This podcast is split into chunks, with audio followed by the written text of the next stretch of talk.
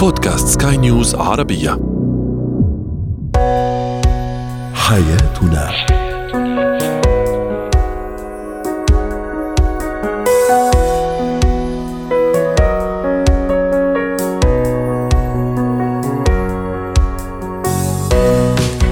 مستمعينا الكرام أهلا بكم معنا إلى حياتنا فضاؤكم اليومي الذي يعنى بشؤون الأسرة وباقي الشؤون الحياتية الأخرى والذي يمكنكم الاستماع إليه. عبر منصة Sky News Radio dot com slash podcast وباقي منصات سكاي نيوز العربية الأخرى شاركونا عبر رقم الواتساب 00971 561 ثلاثة. معي أنا أمال شاب اليوم نتحدث عن الشريك الذكي. زوجة كانت أم زوجا. أيضا تساءلنا ما هو ومن هو الأب المثالي والأم المثالية؟ أولا في نظر نفسيهما ثم نظر الأبناء ونظر المجتمع. وأخيرا هل أنت من الأشخاص الذين يعانون من التسويف أو المماطلة؟ سنتعرف على بعض النصائح للتخلص من التسويف. هو وهي. الذكاء من أهم الصفات التي يجب أن يتحلى بها الإنسان الإنسان عفوا. وبما أنه اليوم حديثنا عن الزوج والزوجة حاولنا أيضا نتساءل عن الذكاء في الحياة الزوجية تحديدا الزوجة الذكي والزوجة الذكية كيف يتصرفان حتى يفهم كل واحد منهما الآخر ليتخطيا الظروف الصعبة وأيضا لإيجاد الحلول المناسبة. رحبوا معي بلانا أصأص الاستشارية النفسية والأسرية. سعد أوقاتك أستاذة لانا. نسمع كثير يقول لك مثلا هذه زوجة ذكية أو زوجتي ذكية أو, أو العكس أو زوج ذكي. ما يعني هون بالذكاء؟ من هي الزوجة الذكية ومن هو الزوج الذكي؟ نعم. آه بالمبدأ هون لما نحكي عن الذكاء بالعلاقات بنكون عم نحكي غالبا عن ذكاء عاطفي وذكاء انفعالي. آه ومن الأشخاص عادة بيكونوا آه عندهم ميل أكثر إنه يتصرفوا بطريقة فيها حماس فيها بوزيتيفيتي فيها إيجابية مع الشريك الآخر. وبيكونوا عم بيخلوا العلاقة يغلب عليها الطابع الإيجابي وطابع الحب وطابع التفهم. هدول أشخاص بيكونوا غالبا بينتبهوا لمشاعرهم وبيعرفوا يعملوا شيء بنسميه emotion identification أو بيعرفوا ينطقوا أو أو بيتعرفوا على مشاعرهم بطريقة ذكية وبيعرفوا يتعرفوا على مشاعر الشريك الآخر وبيعملوا استجابات بناء على هالمشاعر اللي الآخر بحس فيه واللي هو عم بحس فيه. آه غالبا ما هدول الأشخاص ما بيوقعوا بفخ إنه أنا على طول لازم أكون على حق وأنا بدي أكون على طول المنتصر بالعلاقة. بحطوا العلاقة بحد ذاتها هي أولوية مش آه مصالحهم الشخصية و إنه هم يكونوا منتصرين. لأنه بيعتبروا إنه أنا إذا ب... إذا أنا بنتصر على حساب شريكي هذه العلاقة انهزمت فبالتالي بيكونوا عم بيعطوا العلاقة أولوية للانتصار مش آه هم كأشخاص.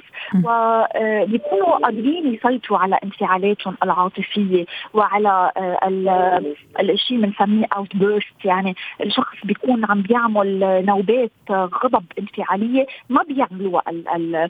ال... الشركاء الاذكياء لأنه بيعرفوا إنه من بعد هيدي النوبات الانفعالية العاطفية حيكون الآثار وخيمة على الشخصين وعلى المشاعر الشخصين فبالتالي يكونوا عم يتحكموا بمشاعرهم بطريقة أفضل. وفي نفس الوقت أيضا يمتص غضب الطرف الآخر وانفعالات الطرف الآخر أستاذة لانا. نعم. وفي نفس الوقت هذا الشخص اللي عم يتحكم زي ما تفضلتي حضرتك في في, في انفعالاته عنده كمان القدرة إنه يمتص غضب الطرف الآخر.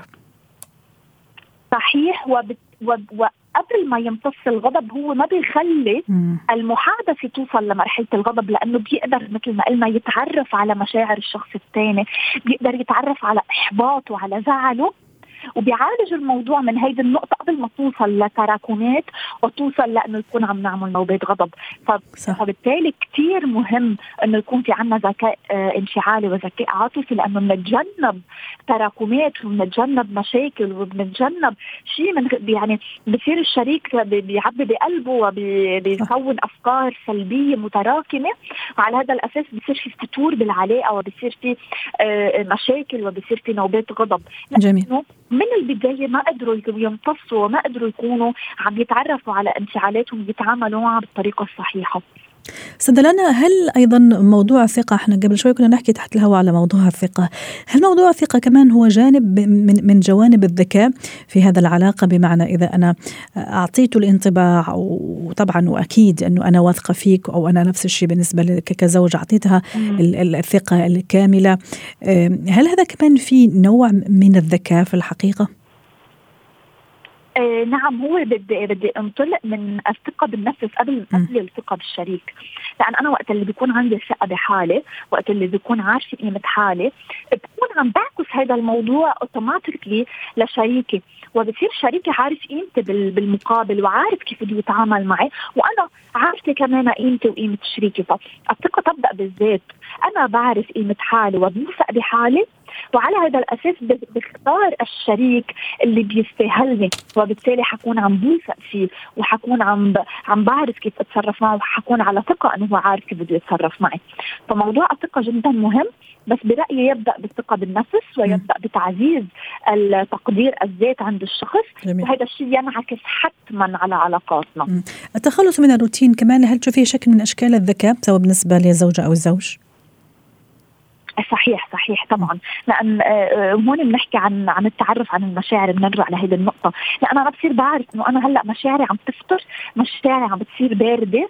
شريكي يمكن عم بيعمل تصرفات معينة آه، عم تنظر بخطر معين. فبالتالي أنا بستلحق الأمور وبنقذ حالي وبنقذ شريكي وبنقذ العلاقة بطريقة إني أكسر الروتين إني أعمل مفاجأة إني أظهر ظهرة. يمكن صرنا زمان مش مش رايحين إني أروح على محل. بذكرنا بمشاعر مشاعر حلوة بمشاعر ايجابيه وبفيق عنا مشاعر الشغف فطبعا كسر الروتين هو شيء أساسي بالعلاقة لحتى يضلنا نحافظ على هالمشاعر المتأهلة لأن هذا شيء كثير كثير مهم بعلاقتنا إنه نكون عم نحافظ على الحب والشغف وكسر الجمود بالعلاقة. صحيح. شكرا لك سادة لنا أصأص الاستشارية النفسية الأسرية ضيفتنا العزيزة من بيروت. زينة الحياة. هو الأب المثالي والأم المثالية. أولا بنظر نفسيهما ثم أبنائهم ثم المجتمع. الحديث عن هذا الموضوع رحبوا معي بدكتورة هبة شركس الخبيرة التربوية ضيفتنا من أبو ظبي. دكتورة هبة أحيانا مصطلح الأم المثالية أو الأب المثالي شوية مصطلح يعني مثالي وسحري إذا إذا حد ما. وكأنه يظهر هذا الشخص وكأنه يمتلك قدرات خارقة جدا. آه، مزيج من الهدوء والحيوية. قوية في نفس الوقت. حكمة وتفاني. خليط كذا من من من أشياء أحيانا صعب جدا أنه أن نوفق بيناتها. وفي النهاية نحن بشر عرفتي كيف. فمشان هيك اليوم سألنا من هو الأب المثالي ومن هي الأم المثالية. أول شيء في نظر نفسهم لأنه في كثير جلد لذات لأني أنا ما عم أعمل شيء معين مثلا مع أطفالي ما عم أجلس معهم مثلا وقت كافي أجلد ذاتي. بالنسبة لي أنا أم غير مثالية أو العكس صحيح أنا أم مثالية لأني عم أقضي كل وقتي عم أضحي أتفانى. فمشان هيك اليوم حبينا نضع مصطلح المثالية في الميزان. طيب هو إحنا ممكن نستبدل مصطلح المثالية بال بال بالحقيقية بإن أنا أكون إنسان حقيقي إن أنا اكون عندي فضول تربوي. الشخص ال أو الصفة المثالية في الأب والأم إن هم يكون عندهم فضول تربوي. يعني إيه فضول تربوي؟ يعني عندهم رغبة في اكتشاف شخصيات أبنائهم وطباعهم وعندهم رغبة في إن هم يعرفوهم على نفسهم. يعني أعرف ابني على نفسه. هو ابني لسه إدراكه مش كافي إن هو يقدر يفهم نفسه يفهم طباعه يفهم شخصيته يفهم الحياة. فكل ما كنت أنا مركزة إن أنا أتعرف عليه بدل ما أحط له قواعد أو أحط له صفات كريتيريا كده معينة لو أنت منتظم وملتزم ومحبب اجتماعيا ومنفتح وقريب لشخصيتي ومنطبق عليك الصفات دي فأنت آه، إنسان جيد. لا أنا أبدأ أعرفه على نفسه. أنت هل بتحب الأصدقاء كتير ولا بتحب الأصدقاء يبقى مساحتهم في حياتك أقل. آه، هل بتحب تنظم وقتك بالطريقة دي ولا بالطريقة دي؟ هل أنت طبيعة شخصيتك بتنجح إزاي؟ آه، بتتفاعل مع الحياة إزاي؟ بتتفاعل مع المشاكل والتحديات اللي بتقابلك في حياتك إزاي؟ أنا لاحظت عليك كذا أنت شايف نفسك إزاي؟ يعني فعلا الأب والأم اللي عندهم القدرة على إن هم يفهموا الاختلافات والطباع الشخصية بتاعت أبنائهم ابنائهم ويعرفوا أبنائهم على أنفسهم إن كل واحد من ولادنا يطلع عارف نفسه واثق في نفسه بيحب نفسه على ما هو عليه هم فعلا اللي يعتبروا مثاليين اللي عندهم ما يسمى بالقبول إن أنا بقدر أقبل ولادي زي ما هم بدون والحب غير المشروط. اللي بيقدروا يلبوا الاحتياجات النفسية للأطفال لأن الاحتياجات النفسية مش متعلقة بالمستوى المادي بتاع الأسرة.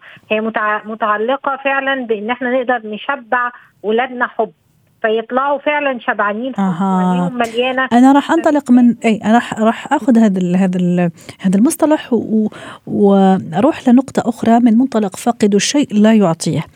أه، دكتورة هبة أحيانا نشوف مثلا بعض التصنيفات هذه مثلا أم ضحت مثلا بتعليمها مشان أطفالها ضحت بمستقبلها المهني مشان أطفالها هذا الأب ما أدري إيش شو سوى مشان أبنائه.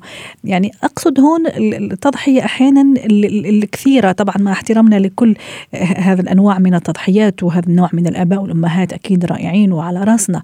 لكن القصد هون مثلا أحيانا أجي كثير أنا على نفسي كأب وأم مشان أطفالي.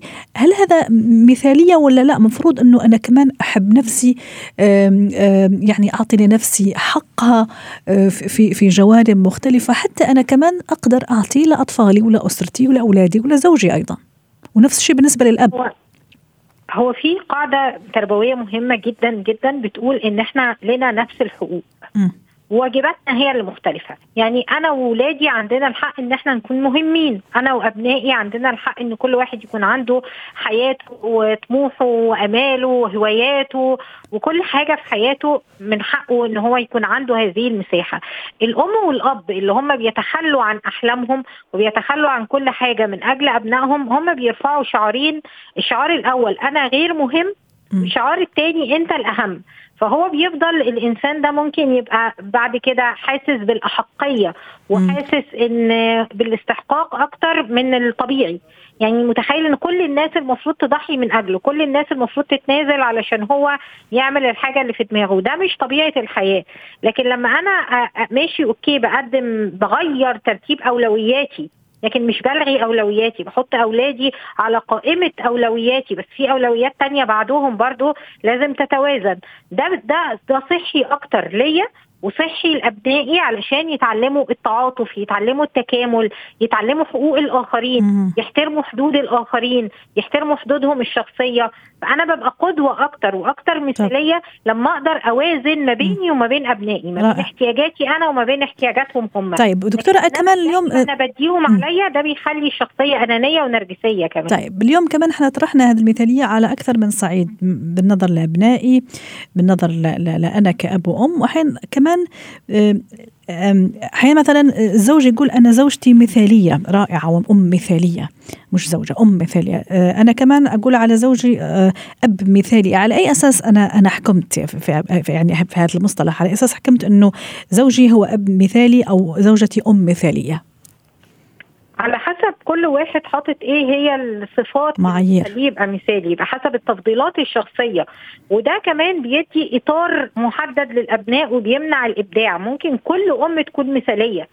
كل أم هي أم جيدة. بس أنا مثلا ممكن أكون بدي لاولادي التفهم وإن أنا بحكي معاهم وبديلهم وقت quality time ممكن أم تانية تكون بتقدم الخدمات بتقدم الحب على شكل خدمات تهتم بأكلهم أكتر وشربهم وكذا.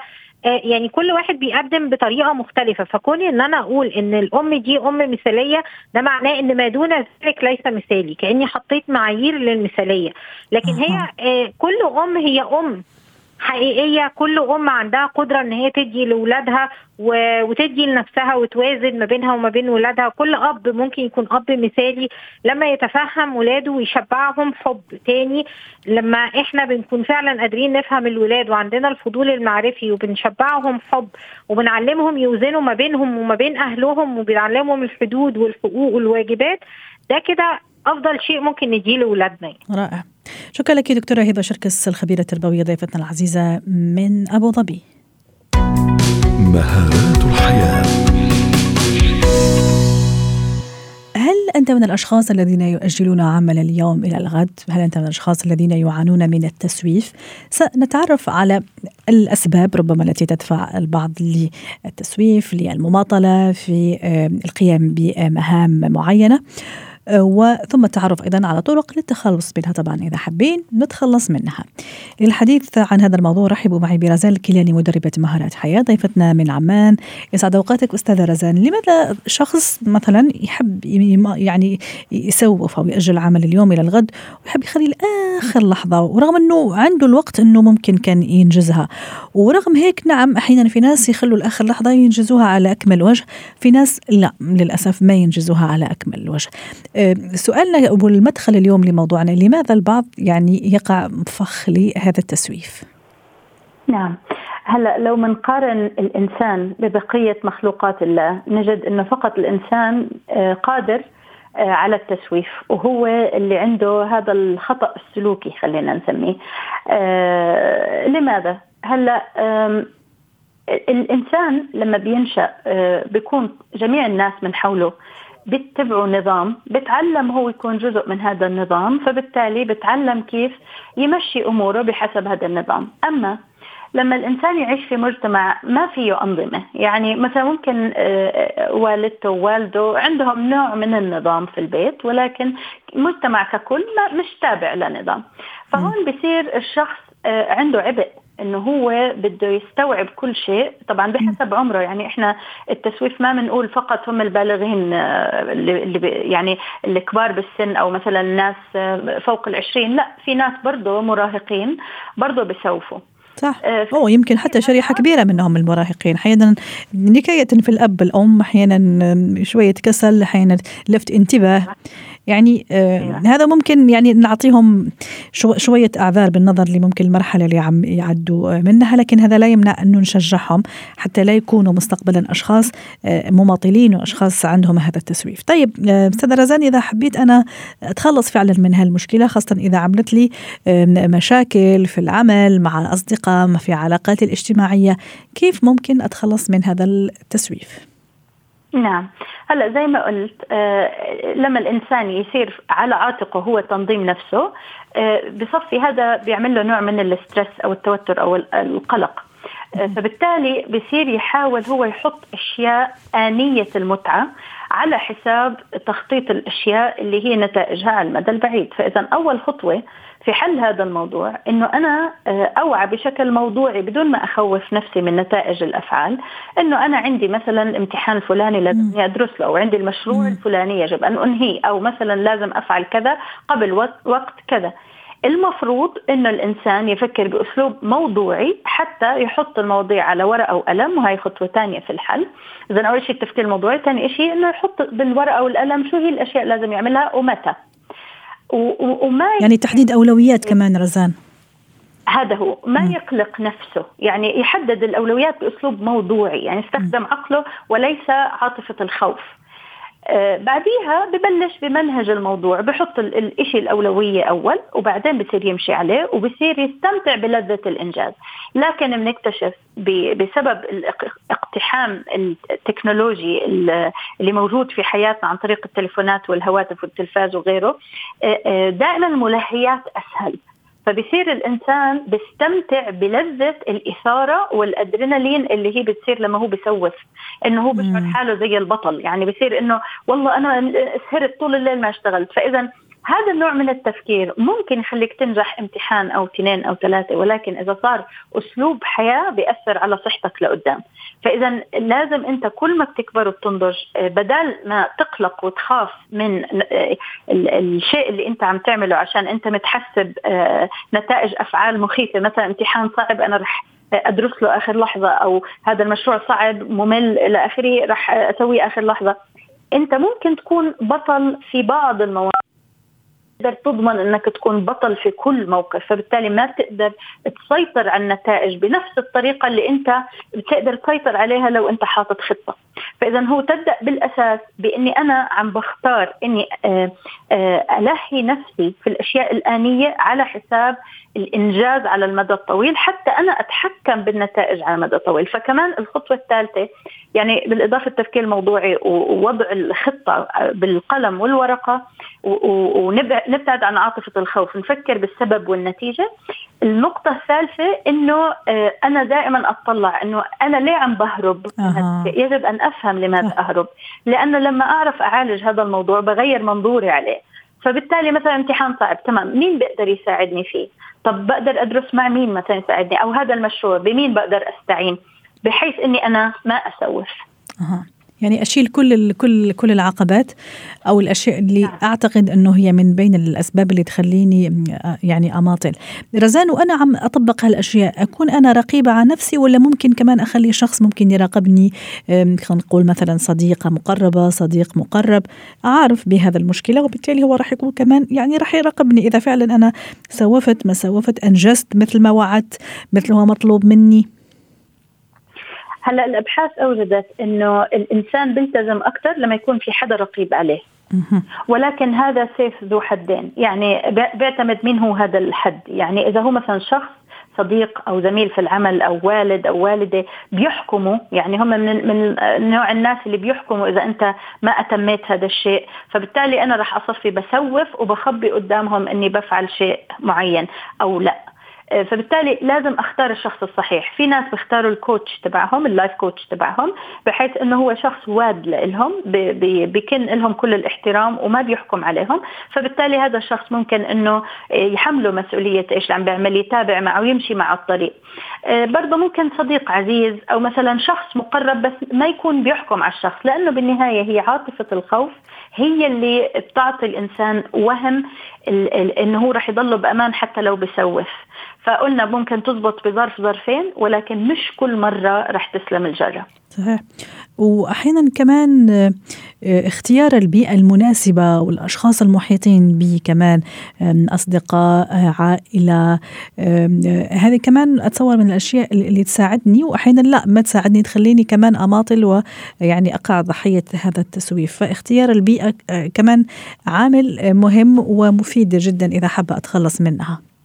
بالتأكيد. فأنا كل ما أحط نفسي ببيئه فيها نظام أنا بصير جزء منها بصير أسهل علي. صح. بينما لما أنا أكون محيط نفسي بناس عم بكسروا النظام أو ما عندهم نظام بالمرة فبصير علي عبء كثير كبير إني أنا أنظم ذاتي وأموري بينما اللي حوالي ما عم بيعملوا هذا الشيء. فاذا إحنا كائنات اجتماعية بنتاثر بالأنظمة اللي حوالينا فلذلك كثير مهم لأنه القرين بالمقارنة يقتدي فاذا إني أنا أخلط نفسي بالبيئة اللي هي مناسبة لإلي وبتظهر أفضل شيء. واضح. شكرا لك رزال الكيلاني مدربة مهارات حياة ضيفتنا من عمان حياتنا.